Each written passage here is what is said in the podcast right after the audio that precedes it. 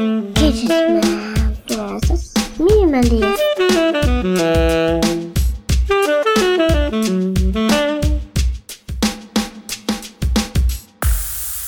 Uh, welkom bij Gadgetman versus Minimalist. Uh, vandaag weer een keer een podcast over een gadget. Uh, waar we natuurlijk met een kritisch oog kijken naar nut, noodzaak, uiteraard de fun factor en het hebben dinggehalte van dat ding.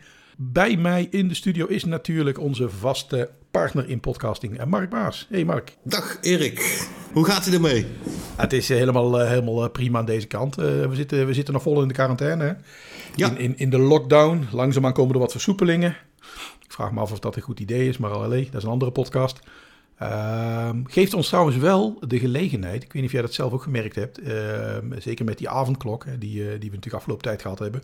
Ja. Toch weer eens een keer de gelegenheid om eens te kijken naar de, de oude hobby's. Ehm, ik heb het bij jou ook gezien, bij mezelf is het ook gebeurd. Ik ben weer helemaal terug in de muziek. Ik heb jarenlang natuurlijk gitaar gespeeld.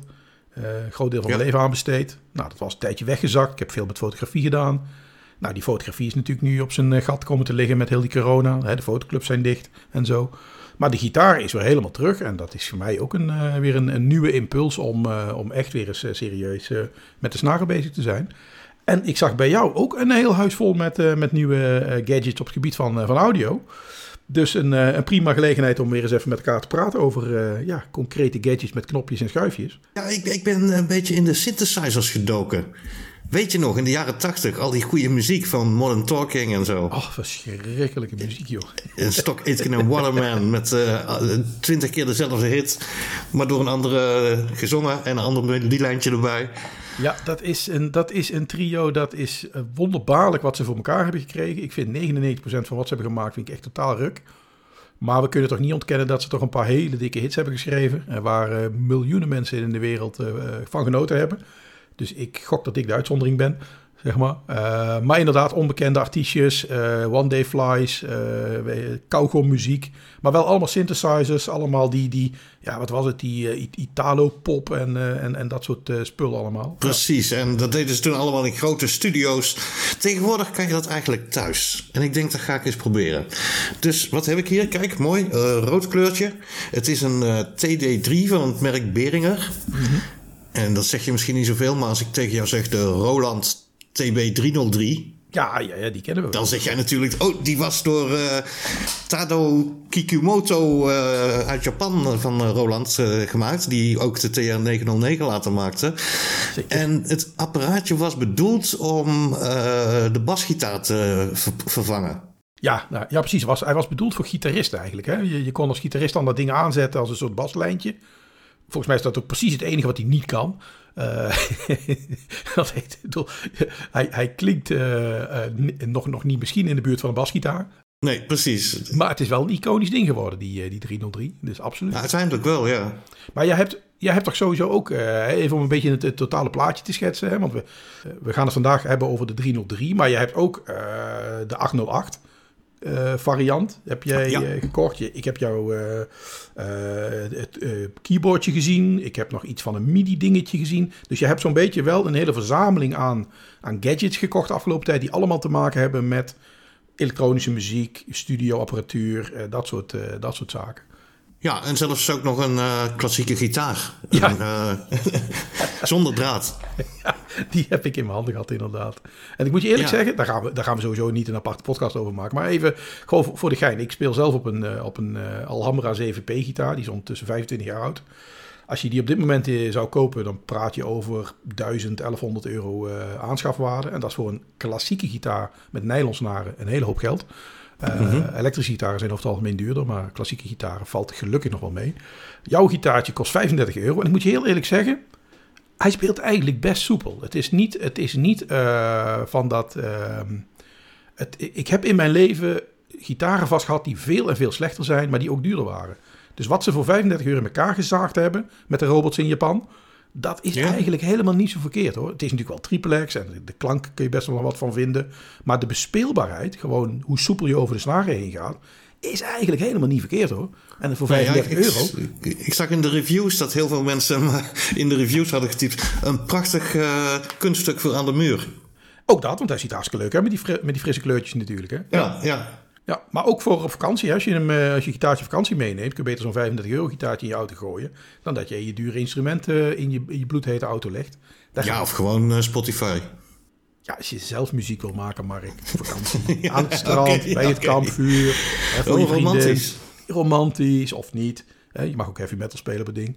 Dan moet je zo'n gitaartje meenemen. En ik moet je eerlijk zeggen, hij speelt best lekker. Hij ontstemt wel sneller dan duurdere instrumenten, dat wel om heel eerlijk te zijn, het viel mij echt absoluut niet tegen voor drie tientjes hoor. Zeker nee, en ik heb er een stemgadget bij, hè? heb je toch een app voor, man? ja, dat weet ik, maar zo'n gadget is ook leuk. Jij bent echt een gadget, man. Jij koopt zelfs een gadget waar je al, al zeker 25 jaar geen gadget meer voor nodig hebt. Hij was 3,95 bij AliExpress. Maar, maar, zelfs dan, de minimalist zegt dan dat is 3,95 euro. Te veel. Onzinnig uitgegeven, want ik gebruik zo'n ProTuner appje op mijn telefoon. En die stemt echt fantastisch. Uh, dat, dat, daar zitten alle opties op krijgt af en toe reclame tussendoor. Die bent natuurlijk weer te lam om te betalen. Maar uh, hartstikke mooi dingetje eigenlijk. Ja. ja. Maar goed, daar gaan we het niet over hebben. Wij gaan het hebben over de kloon van de 303. Ja, klopt. Moet je denk ik even beschrijven, wat voor een, wat voor een ding is het eigenlijk? Hoe, waar moet ik aan denken? Oké. Ehm, de bedoeling is, of was, dat het dus een basgitaar zou vervangen. Je kan er een baseline op programmeren.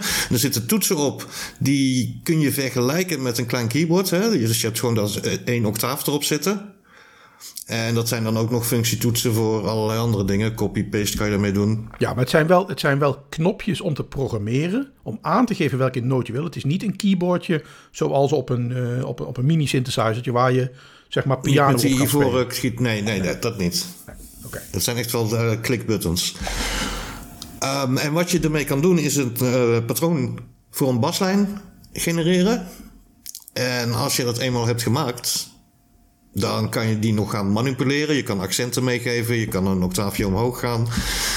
Um, en waar het destijds in 1981 voor bedoeld was, is om een stabiele baseline te hebben die niet van. Uh, van, van tempo veranderd. Want dat willen drummers nog wel eens doen. Phil Collins heeft zo'n ding ook, ook gebruikt.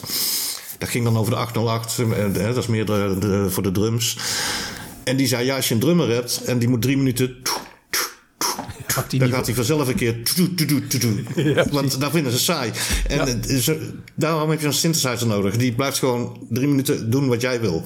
Het is eigenlijk een kruising tussen een basgitaar en een metronoom. Hij blijft op tempo gewoon jouw uh, patroontje spelen, wat jij hebt ingeprogrammeerd, urenlang. Als jij aan het componeren bent, of je bent aan het oefenen, of je bent gewoon lekker aan het, uh, aan het uh, soleren of zo. Dat ding blijft gewoon hetzelfde baslijntje draaien. desnoods urenlang. Dat is, dat is denk ik het voordeel ten opzichte van een echte bas is. Want die, ja, die denkt na een kwartier, het is, wel, het is wel goed met jou, ik hou er mee op. Oké, misschien goed om eventjes te luisteren naar een voorbeeldje. Ja, doe eens even een voorbeeldje. Ja. Een clipje zegt zoveel meer dan woorden. Je kent uh, Donna Summer nog wel, hè? Jazeker. Uh, welke bedoel je? I Feel Love? I Feel Love. Luister eens even.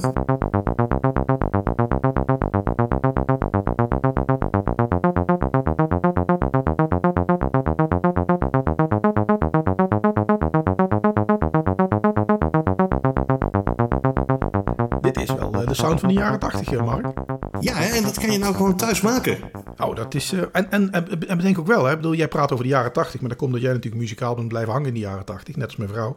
Ja. Uh, dus voor jou is Donna Summer en Phil Collins en dat soort uh, figuren, dat is allemaal. zelfs die, die stok uh, Aitken en Waterman figuren, zoals Rick Ashley, waar ik altijd de pukkels van krijg. Of die Kylie Minogue, die beter in de soap had moeten blijven spelen. jij, komt, jij komt uit die muzikale tijd en je bent daar ook blijven hangen, zou ik maar even zeggen. Maar die, die 303 die is toch vooral uh, in de jaren negentig heel beroemd geworden vanwege al die acid house shit met die, ja. met die beats en die, en die synthesizer sounds en wat was het, Prodigy en dat soort bands en zo. Dat klopt, Prodigy, die zijn, die zijn dat ook gaan, uh, uh, dat ding een beetje over de top aan te draaien geweest. Hè? Daar kreeg je die acid house hitjes van, die kan ja. je op die cd-collectie destijds van Turn Up The Bass nog wel een hoop terugvinden. Maar ook bijvoorbeeld bands als de Fine Young Cannibals en welke nog meer, even denken. Nou, je hebt er, tegenwoordig heb je er eentje, die, die kwam ik laatst tegen bij, uh, bij Daft Punk. Een, een van de nummers van Daft Punk. Um, uh, volgens mij is dat Daft Funk. Daar zit een heel duidelijke uh, 303, um, ja, ik, ik, zeg wel baseline, maar een, een patroontje in. Het, het lijkt op geen 100 jaar op een basgitaar. Maar dat, karakteristieke geluid van die 303 zit daar heel prominent in. Dus ja, hij is vroeger heel veel wijd, gebruikt. Uh, maar ik denk wel meer in de house en acid scene uh, dan bijvoorbeeld de 808. Die heeft echt uh, een traditionele 80s pop sound. Maar die is voor een andere aflevering. Maar wat misschien wel even goed is om te zeggen, Mark, want daar zit ook denk ik het grote verschil. Hij werd verkocht als een, een apparaatje voor de begeleiding van gitaristen om een baslijntje neer te leggen. Nou, dat is ook precies het enige wat hij niet kan, want het lijkt op geen honderd, geen honderd jaar op een basgitaar, zeg maar. Want met, die, met die zaagtand en die blokgolf, uh, figuurtjes in jouw geluid, krijg je veel meer geluiden die lijken op synthesizers. Hè? Dus de, de synthesizer is natuurlijk in principe het manipuleren van jouw basistoon. En je hebt zo'n sinus. En sinus klinkt altijd een beetje als een oe-klank, zo'n oe. Mhm. En dan verschillende toonhoogtes. Dat is, je, dat is je mooie sinus. En die zaagtanden, die lijken een beetje op de, de daken van die oude fabriek hier in Tilburg, weet je wel. Die hebben zo'n zo'n patroontje. Dat zijn veel meer klanken die gaan een beetje richting wat strijkinstrumenten van nature produceren. Als je die aanstrijkt, krijg je ook dat soort tonen en boventonen die dat soort vormen gaan krijgen. Dus met zo'n synthesizer kun je vrij gemakkelijk tonen creëren die richting strijkinstrumenten gaan. En die, uh, bijvoorbeeld die blokgolven, dan moet je echt denken aan omhoog en dan een tijdje later weer omlaag. Hè? Gewoon die, ja. als, je, als, je, als je ernaar kijkt, lijkt bijna zo'n zo'n zo'n zo'n tandwielrek uh, zo, met van die gaten en die, en, en die bergjes, uh, zeg maar. dat lijkt weer heel erg op elektrische gitaren met overdrive en distortion erop. Dus op die ja. manieren kan je zeg maar allerlei synthesizer geluidjes maken. Dus ik zou het ding eerder beschrijven als een soort van programmeerbare synthesizer sequencer.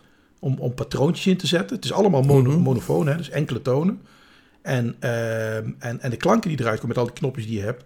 Ik, ik vind het eigenlijk meer een soort van uh, synthesizer apparaat dan dat ik het op een of andere manier associeer met een bas instrument of zo. Ja, nou dat zei Forbes Magazine ook in 1981. Die zei, een mondharmonica komt meer in de buurt. Ja, een beetje wel. ja. ja. maar het grappige is dus wel dat, dat de, de, uh, de verkoop van dat ding liep eigenlijk niet zo goed als, als basinstrument, zou ik maar zeggen. Hè? Als vervanger van die basgitaar. Maar vervolgens zijn natuurlijk die creatievelingen in de muziek zijn ermee aan de gang gegaan. En toen werd het ding natuurlijk razend populair. Vanwege die karakteristieke geluidjes die erin zitten. Ja, en dat was toen Roland had uh, bedacht van we gaan ermee stoppen, want het werkt niet. In 1984 al. Ja, maar kijk, dus drie jaar later toen kwamen die uh, units die over waren heel goedkoop op de markt. En toen is het een hit geworden. Er zijn maar 10.000 van gemaakt, hè? Oh, kijk eens aan. Ja, dat is niet veel. Ja. En dan hebben we het over de originele Roland, niet over ja, die Ja, precies. Nou, daarna kwamen al die klonen natuurlijk terug vanwege die asset, uh, vanwege die asset muziek. Nou, op een gegeven moment is het eh, patent verlopen van Roland. En uh, Beringer die is heel goed in het namaken van de originele sound en ook de originele devices. Het, het ziet er hetzelfde uit. Uh, de knopjes doen zo goed als hetzelfde. De enige functie die er nu bij zit is distortion. Vanwege de acid house kan je die mooi gebruiken, dat die sound nog gestoorder eruit, eruit komt. En verder is het, uh, als jij een. Uh, op internet kun je heel veel dingen opzoeken hoe je zo'n ding moet programmeren. En die handleidingen van de 303 en die tutorials, die kan ik één op één toepassen op dit ding. Oh, hij dus... is echt functioneel hetzelfde gebleven. En we zijn zelf ook even aan de slag gegaan ermee, hè? Ja, tuurlijk. We hebben het ding even uitgebreid getest. Uh. Ja, ik heb hier een baseline. Ik denk dat wij... Uh, ik, ik zeg altijd van... Tegenwoordig kan je alles leren. Hè? Dat is zo fijn op internet met YouTube en tutorials. alles wat je wil leren, dat kun je eigenlijk wel leren. Zeker. Dus ik dacht, uh, misschien moeten wij eens gaan kijken... of wij niet gewoon een, een hit record kunnen maken. Een hit... Net zoals, net zoals in de jaren tachtig. Gewoon... Precies. Met alle, ja, op zich. Je hebt alle apparaten in huis natuurlijk om om je, je, hebt een, je hebt een ritmebox, je hebt een, uh, een sequencer voor, uh, voor patroontjes. Je hebt twee gitaren staan. Uh, drumcomputer. Je hebt, je hebt, een drumcomputer, je hebt keys. Nou, je hebt van alles staan. Nou, ik heb op zich nog wel natuurlijk wel wat kennis van de, van de muziektheorie van vroeger. Kan ik me wel eens een beetje afstoffen. Ja, moet eigenlijk wel lukken. Maar wat heb je, wat heb je in elkaar gedraaid? Laat het horen dan. Ja, luister maar eens even.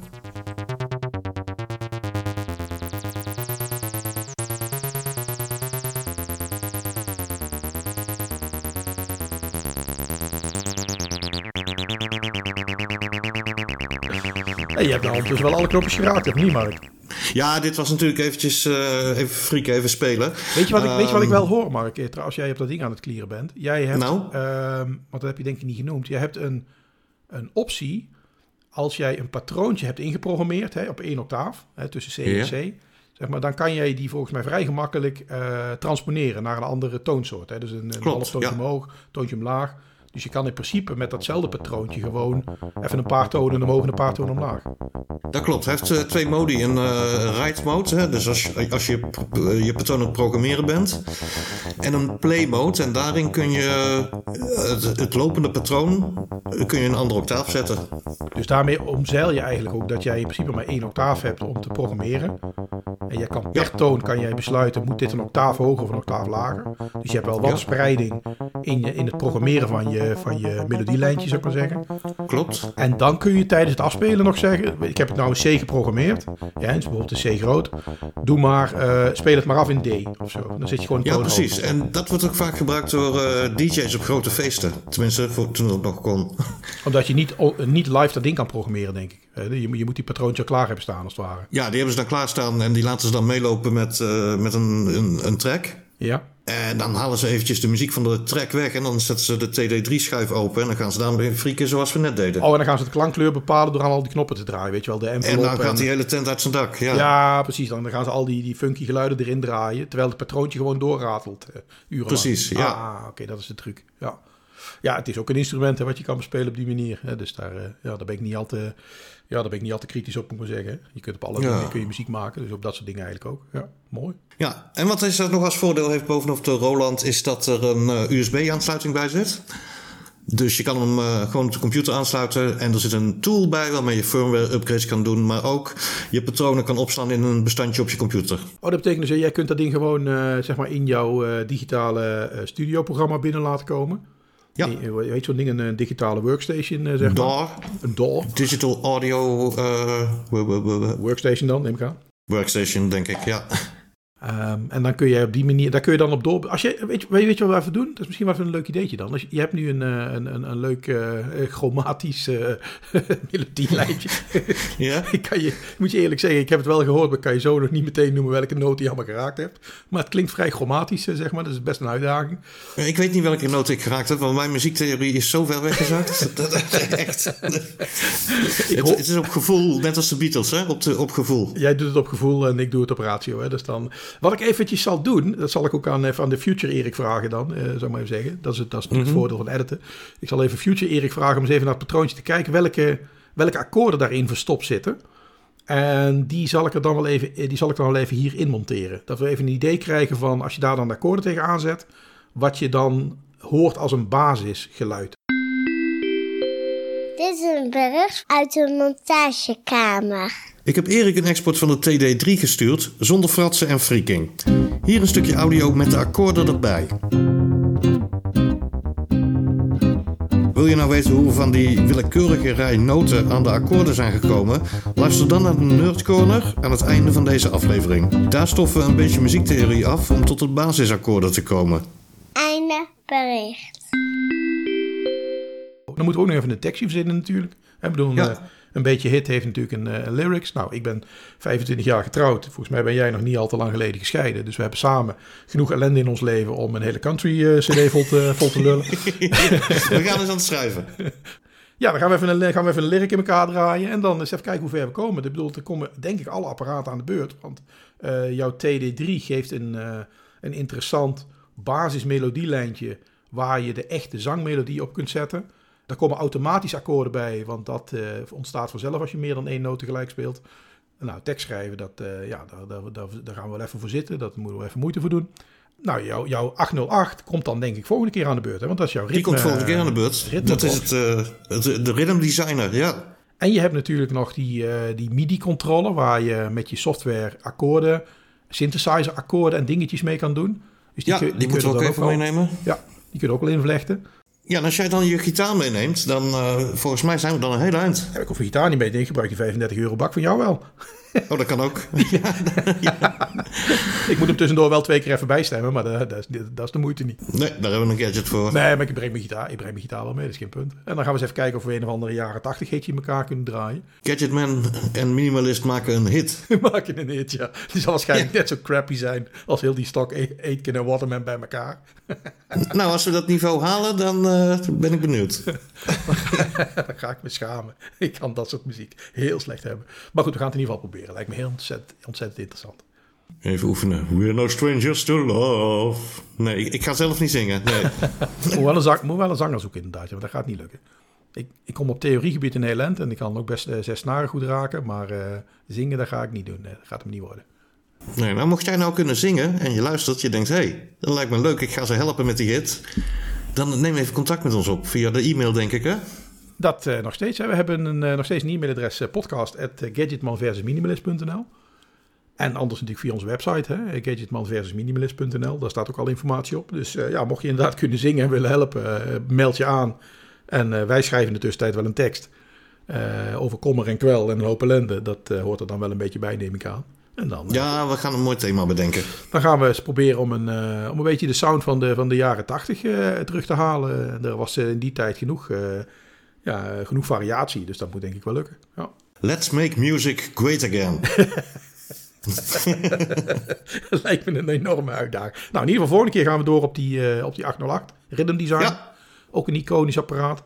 En dan ja, gaan we de komende tijd even over muziek hebben, denk ik. Dus een, ja, dit is, het is de tijd voor. Het is weer eens wat anders. Hè? Ja, ja, het is gewoon even, even wat eh, creatiever op die manier. Leuk. Ja. ja. Hebben we nog, hebben we nog een nabrandertje, Mark? Ja, één ding wat nog wel handig is misschien om te weten... is dat dankzij die USB-interface, mhm. die ook die 808 heeft... kan je ze ook met elkaar laten synchroniseren via je DAW. Ja, dat is wel handig natuurlijk. Dat, uh, je hebt één, één tijdklok nodig om al die apparaten in sync te houden. Ja. Precies, en je kan ze in, in master of slave modus zetten. Nou, dat kennen we allemaal uit de IT. Uh, dus je hoeft dan inderdaad op je workstation alleen maar op play te klikken. En dan starten al je apparaten tegelijk in hetzelfde ritme. En kun je het volgende riedeltje erbij spelen. Ik ben heel benieuwd. Ik heb de afgelopen 25 jaar vooral, uh, of 35 jaar trouwens ondertussen. Oh jeetje, hoe oud. uh, ik heb voornamelijk klassiek gitaar gespeeld, jazz, maar mm-hmm. allemaal op nylon snaren. Uh, dus uh, de, de, laatste keer dat ik een elektrische gitaar uh, echt gebruikt heb, is ook alweer 25 jaar geleden, zeg maar. nou, dat komt vanzelf alweer een keer terug, dat is geen punt. maar het lijkt me wel interessant om eens een keer aan, aan die elektronische kant te snuffelen, wat daar allemaal mogelijk is. Want daar heb ik zelf nooit wat mee gedaan. Dus ik ben, ik ben zelf ook al heel benieuwd hoe, dat, hoe dit projectje gaat lopen. Ja, leuk. Gaan we doen. Nou, verder heb ik ook niks meer, Mark. Dus dan rest ons niks anders dan te zeggen, houden en bedankt. En tot de volgende keer. Houdoe. Hey, houdoe.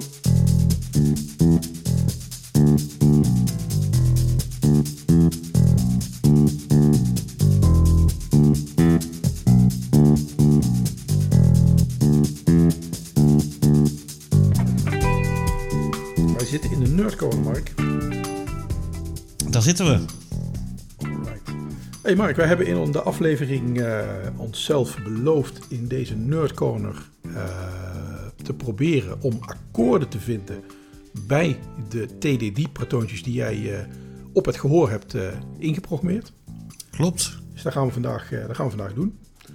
Dan is het misschien wel even handig als we nog even naar de patroontjes luisteren. Ja.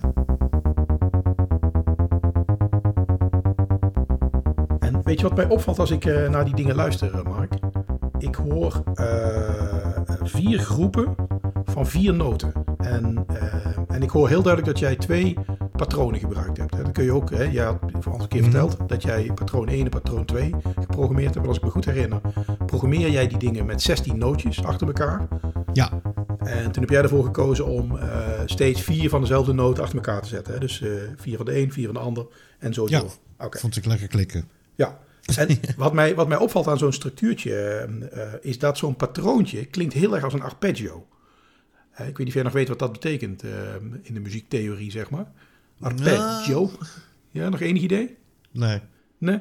Een arpeggio, dat is een gebroken akkoord. Denk aan House of the Rising Sun, hè, dat dam dam dam dam dam dam dam dam dam dam. In plaats van dat je het akkoord in één keer speelt, speel je elke noot van het akkoord apart, dus in tijd uitgestrekt. En jouw patroontje doet een beetje hetzelfde. Hè. Die doet ook... Dan is het net alsof een akkoord helemaal uitspreidt over de tijd. Noemen ze een arpeggio. En zo klinkt het uh, eigenlijk. En, en, waar het ook wel iets van weggeeft, Mark, is een... Uh, is een, een, een walking bass. Um, en misschien wel even handig als ik de gitaar er eens even bij pak. Moet je eens even luisteren. Oké. Okay.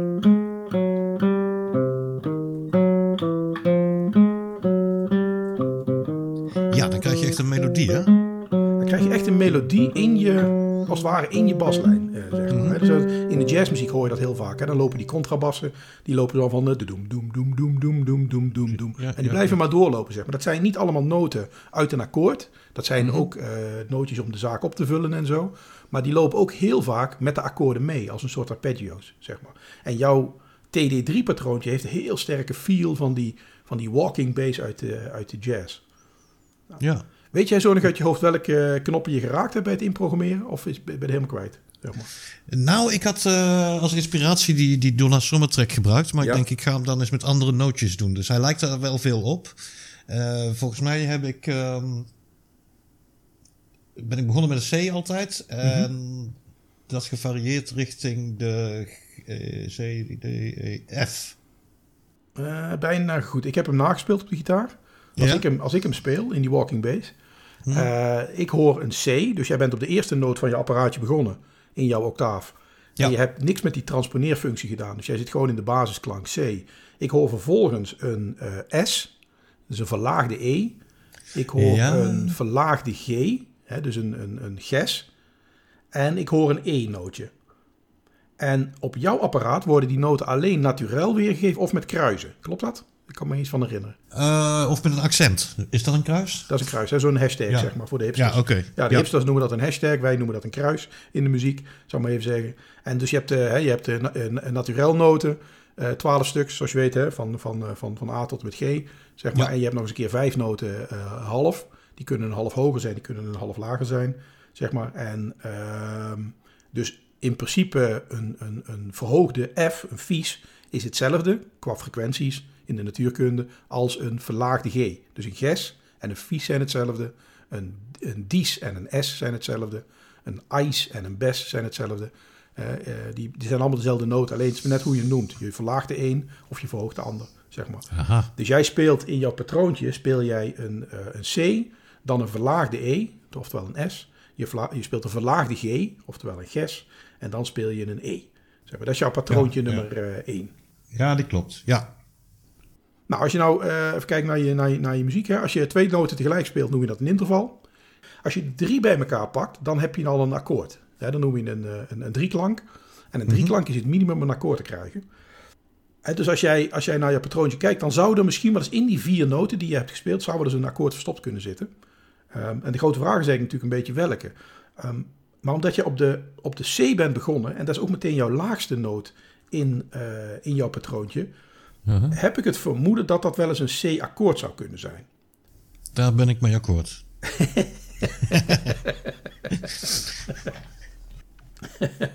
Eh, dan heb je natuurlijk twee opties als je met een C begint. Eh, een C Ja. kan majeur zijn en een C kan mineur zijn. Ja, die weet ik nog, ja.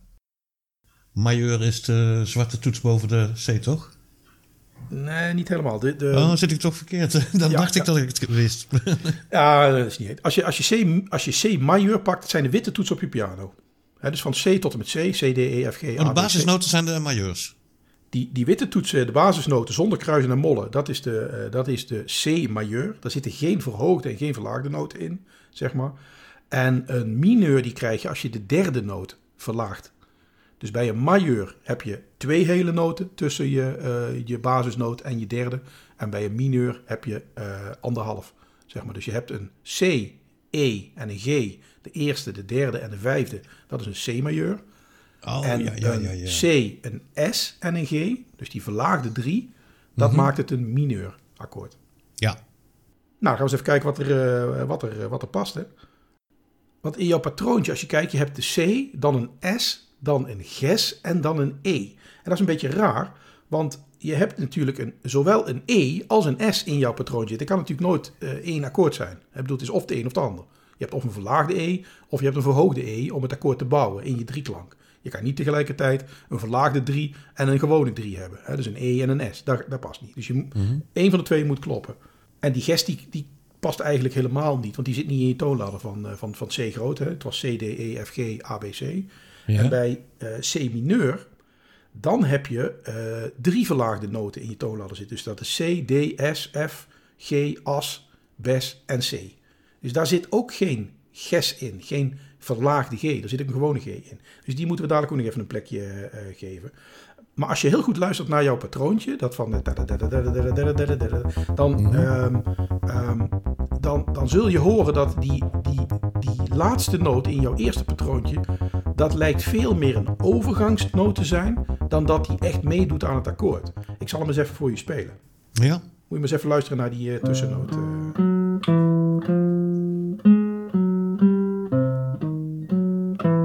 Ja.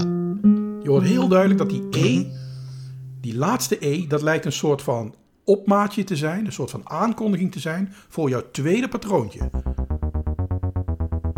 Ja. Ja, hoor je hem hè? Ja. En uh, als je die nou negeert, dan hou je over een C, een S en nog iets anders zometeen. En die C en die S samen, dat Ja. is C mineur. Aha. Speel hem er eens overheen. Dan gaat hij bij mij meer leven, denk ik. Ja, ik zal die C mineur eens even over jouw uh, patroontje uh, spelen. Moet je even het patroon starten op jouw uh, TD3. En dan zet ik de C mineur akkoord wel even overheen. Dan kun je Oké, hem komt ie. Ja. 3, 2, 1, go!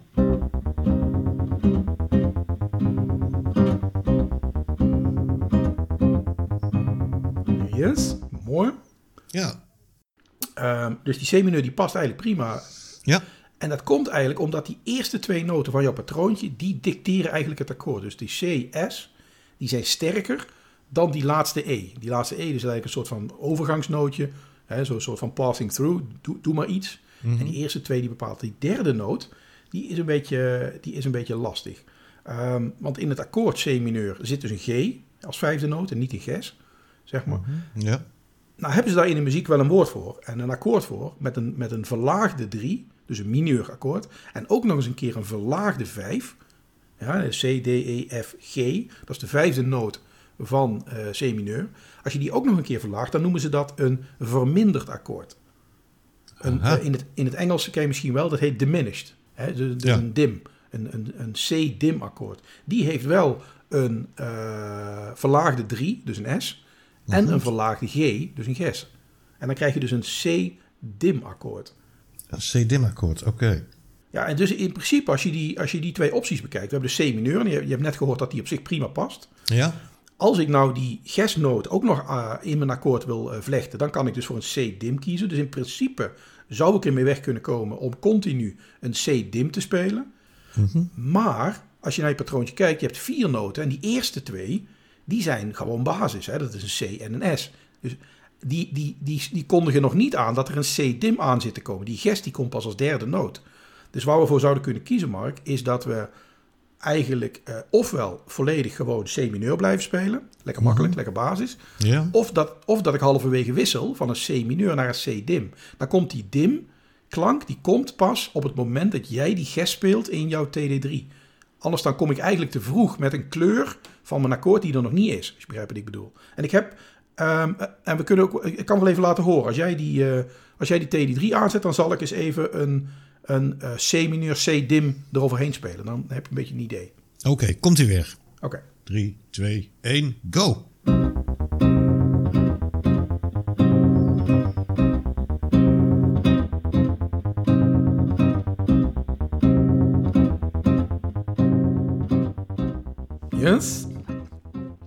Mooi. Nou hebben we dus een, uh, een patroon 1. We hebben een akkoord, C mineur. We kunnen afwisselen met C dim. Dus die, die hebben we op zich wel uh, passend. Dan moeten we hetzelfde gaan doen voor het tweede patroontje. Werkt natuurlijk op dezelfde manier. Als ik met jouw ding meespeel, met jouw TD3, dan, dan hoor ik dat jij een F hebt gebruikt, dan een as, dan een ges en dan een G. Dus het is een soort van loopje in. Je begint op de F en dan een as, ges, G. Die speel jij. En uh, die laagste noot is F. Dus dat suggereert dat er een F-akkoord aan zit te komen. Net als net. Nou, F majeur heeft één verlaagde noot, namelijk een bes.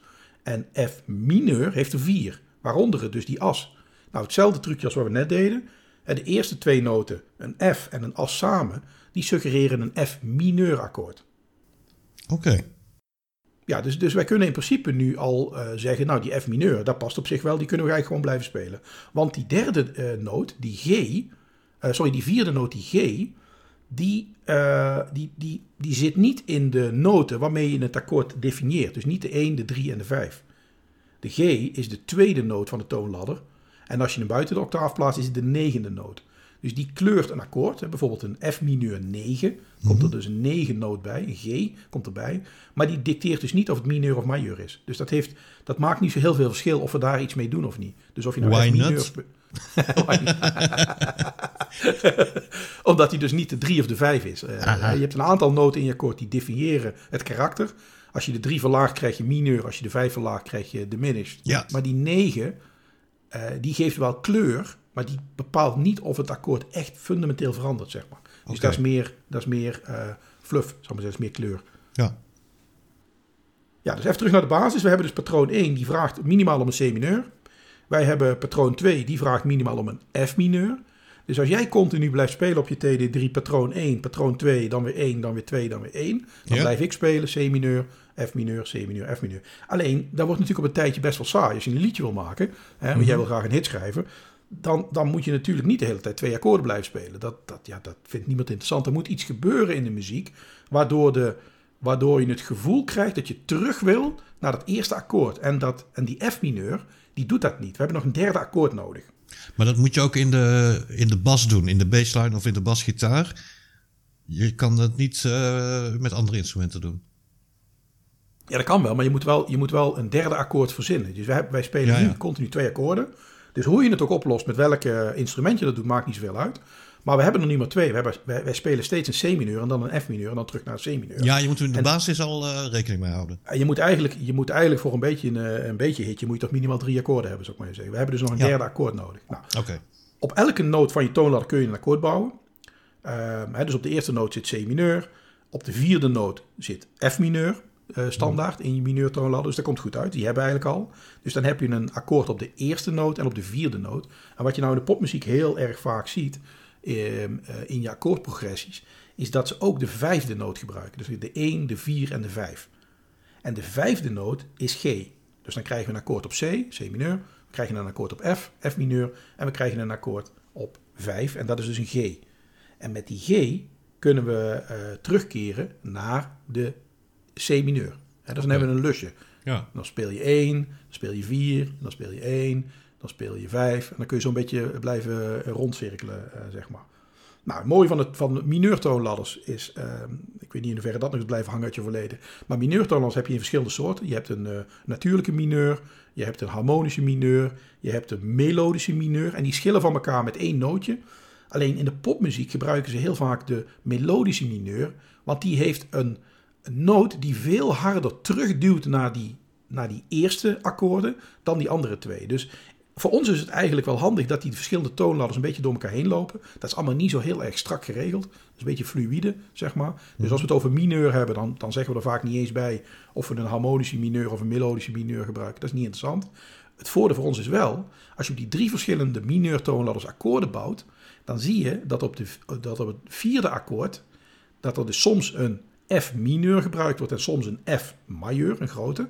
En op de vijfde dus ook een G mineur of een, of een grote, dus een G, bijvoorbeeld een G of een G7. Dus wij kunnen kiezen of wij dus eh, mineur of majeur akkoorden gebruiken. En dat komt even goed uit, want we hadden al gezien, jouw patroontje zit op C mineur en F mineur. Dus dat zijn akkoorden uit de natuurlijke mineurtoonladder. Nou kunnen we voor het vijfde nootje op de G kunnen we kiezen voor een G7. Want die 7 die, die duwt hem heel hard terug naar de C mineur. Zeg maar. Oké. Nou, even, eh, hè, want dat dat klinkt allemaal heel erg ingewikkeld, maar dat is het eigenlijk gelukkig niet. Muziektheorie, die is, ehm, dat zijn geen, ehm, eh, dat, dat lijkt misschien wel zo, maar dat zijn geen wetten en regels. Muziektheorie eh, eh, probeert eigenlijk te verklaren wat er in de muziek gebeurt. Dus iemand verzint iets in de muziek, dat klinkt goed, dat past bij elkaar, dat voelt natuurlijk. En vervolgens ga je vanuit de muziektheorie proberen om dat te verklaren waarom dat allemaal bij elkaar past. En daar komen eigenlijk al die regeltjes uit. Dus die regels zijn niet bedoeld om dingen af te dwingen. Die regels zijn bedoeld om dingen te verklaren. En hoe meer theorie je kent, hoe meer opties je krijgt om dingen bij elkaar te schuiven. Dus of je nou kiest voor een G7-akkoord omdat je dat fijn vindt klinken, eh, of je kiest voor een G mineur omdat je een andere klank wil hebben, dat is je eigen keuze. En beide eh, keuzes zijn te verklaren via die verschillende toonladders, zeg maar. Dus je moet nooit de fout maken dat je denkt, de theorie dwingt iets af. Dat is bij eh, muziek helemaal niet zo. Muziek is een creatief proces en de theorie probeert het rationeel te verklaren. En natuurlijk, hoe meer van die patronen en regels je ziet en hoeveel opties je ziet, des te flexibeler ben je natuurlijk met dingetjes zelf verzinnen. Want dan denk je op een gegeven moment, oh, ik kan hier ook wel een, uh, ik kan hier ook wel een, een G groot pakken in plaats van een G mineur. Als je wat minder theorie kent, zul je misschien genegen zijn om in, in die mineur te blijven hangen. En dan klinkt dat heel anders. Dus hm. je, je, moet dus niet denken dat theorie je dwingt. Maar het is meer zo dat theorie je eigenlijk opties geeft, zeg maar. En in dit geval uh, weet ik toevallig dat een G7-akkoord uh, sterker terugduwt naar 1 dan een G mineur. En in onze riedeltje past dat eigenlijk wel mooi. Oké. dus ik, ik, stel voor dat we een G7 gaan toevoegen aan ons akkoordenreeksje. Dus dan krijgen we afwisselend C mineur, F mineur en dan terug via G7. En uh, dan krijgen we dus een 1, een 4 en een 5 progressie. Dat is heel bekend in de popmuziek, zeg maar. Mm -hmm.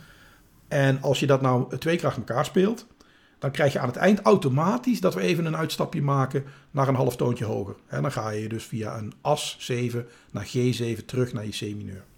Oké, okay, let's do it. Let's do it. Um, heb je natuurlijk wel een probleempje maken. Want jij hebt maar twee patroontjes. Dan moet je heel even twee uh, extra patroontjes inprogrammeren. Dan kunnen we hem zo meteen laten horen. Ja. En nu heb je eigenlijk mazzel. Want jij hebt de eerste twee patronen heb jij op het gehoor verzonnen. Ja. Die, die dicteren nu dat wij in C mineur zitten en dat we een F mineur moeten pakken. Nu moeten we er twee bij verzinnen, maar je weet nu welke akkoorden je moet gaan gebruiken.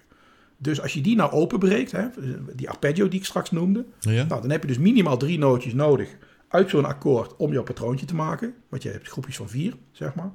Nou, een G7, die bestaat uit een G, een B, een D en een F. En die lage G, die, die, ik, die ik van nature pak op mijn gitaar, die zit onder jouw laagste C-noot die jij gebruikt hebt voor patroon 1. Dus dat ja. is even een beetje onhandig op jouw apparaatje. Dus wat ik voorstel is, pak gewoon één uh, een G'tje boven die C. Dus gewoon de eerste G die je tegenkomt, zeg ja. maar. Mm -hmm. Die B is ook lager dan jouw C uh, op jouw TD3. Ja. Uh, maar dat is op zich niet erg, daar kunnen we mee wegkomen. Want jij kan die D en de F kun je wel gebruiken binnen dat octaaf. Dus dan heb je G, D, F. En dan moeten we nog een nootje terug hebben om uh, naar, naar, het, naar het patroontje 1 terug te komen. En daarvoor zou je bijvoorbeeld een, een E kunnen gebruiken, want die zit ook in het C-akkoord. Dus dan pak je G, D, F en E. Als je okay. die even inprogrammeert, dan hebben we een patroontje. Yes. Neem ik even een slokje.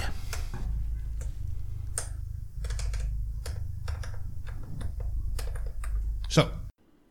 Yes. Nou, patroontje 3, zit die erin? Die zit erin. Mooi. Dan hebben we nog een patroontje 4 nodig. Dat is dat akkoord wat ik dadelijk ga gebruiken om terug te keren naar aan het einde van de, van de, van de riedel. Dat is, dat is een akkoord op de zesde noot. Mm -hmm. En dat is dus in C mineur is dat een as. Dus ik stel voor een as 7 akkoord. En die bestaat uit een as, een C, een ges en een E. Die, kun je, die kun je gewoon inprogrammeren. Uh, ook weer hè, de as boven de C, dan een C, een verlaagde G. En dan een, dus op jouw apparaat is dat een, uh, dat is dan op jouw apparaat een gies, een C, een vies en een E.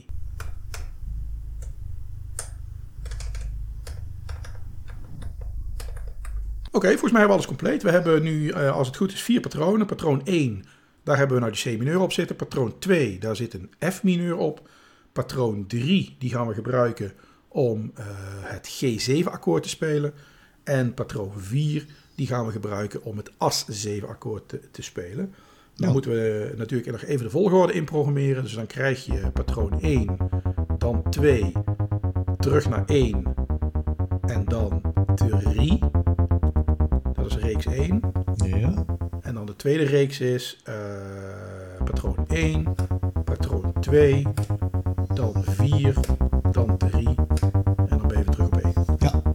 Dan heb je hem denk ik, hè? Ja? Safe. Yes. Oké. Okay. Nou, als jij hem aanzet, dan zal ik je akkoorden er even overheen uh, spelen. Oké, okay, komt hij aan. Alright. Nou,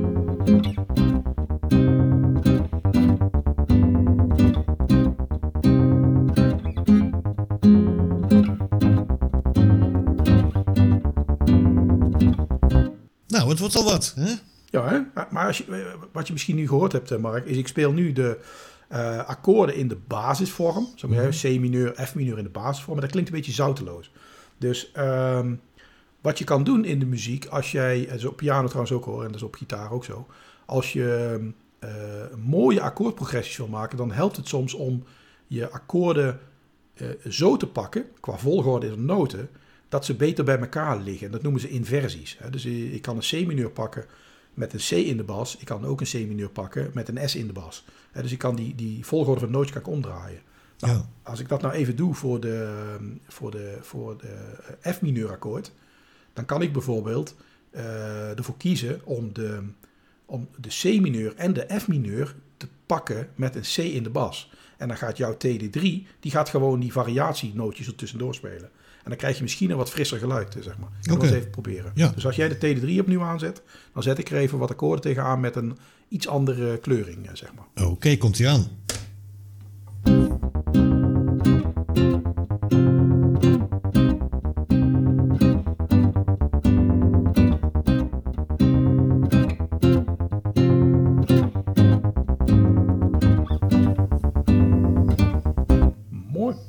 Yes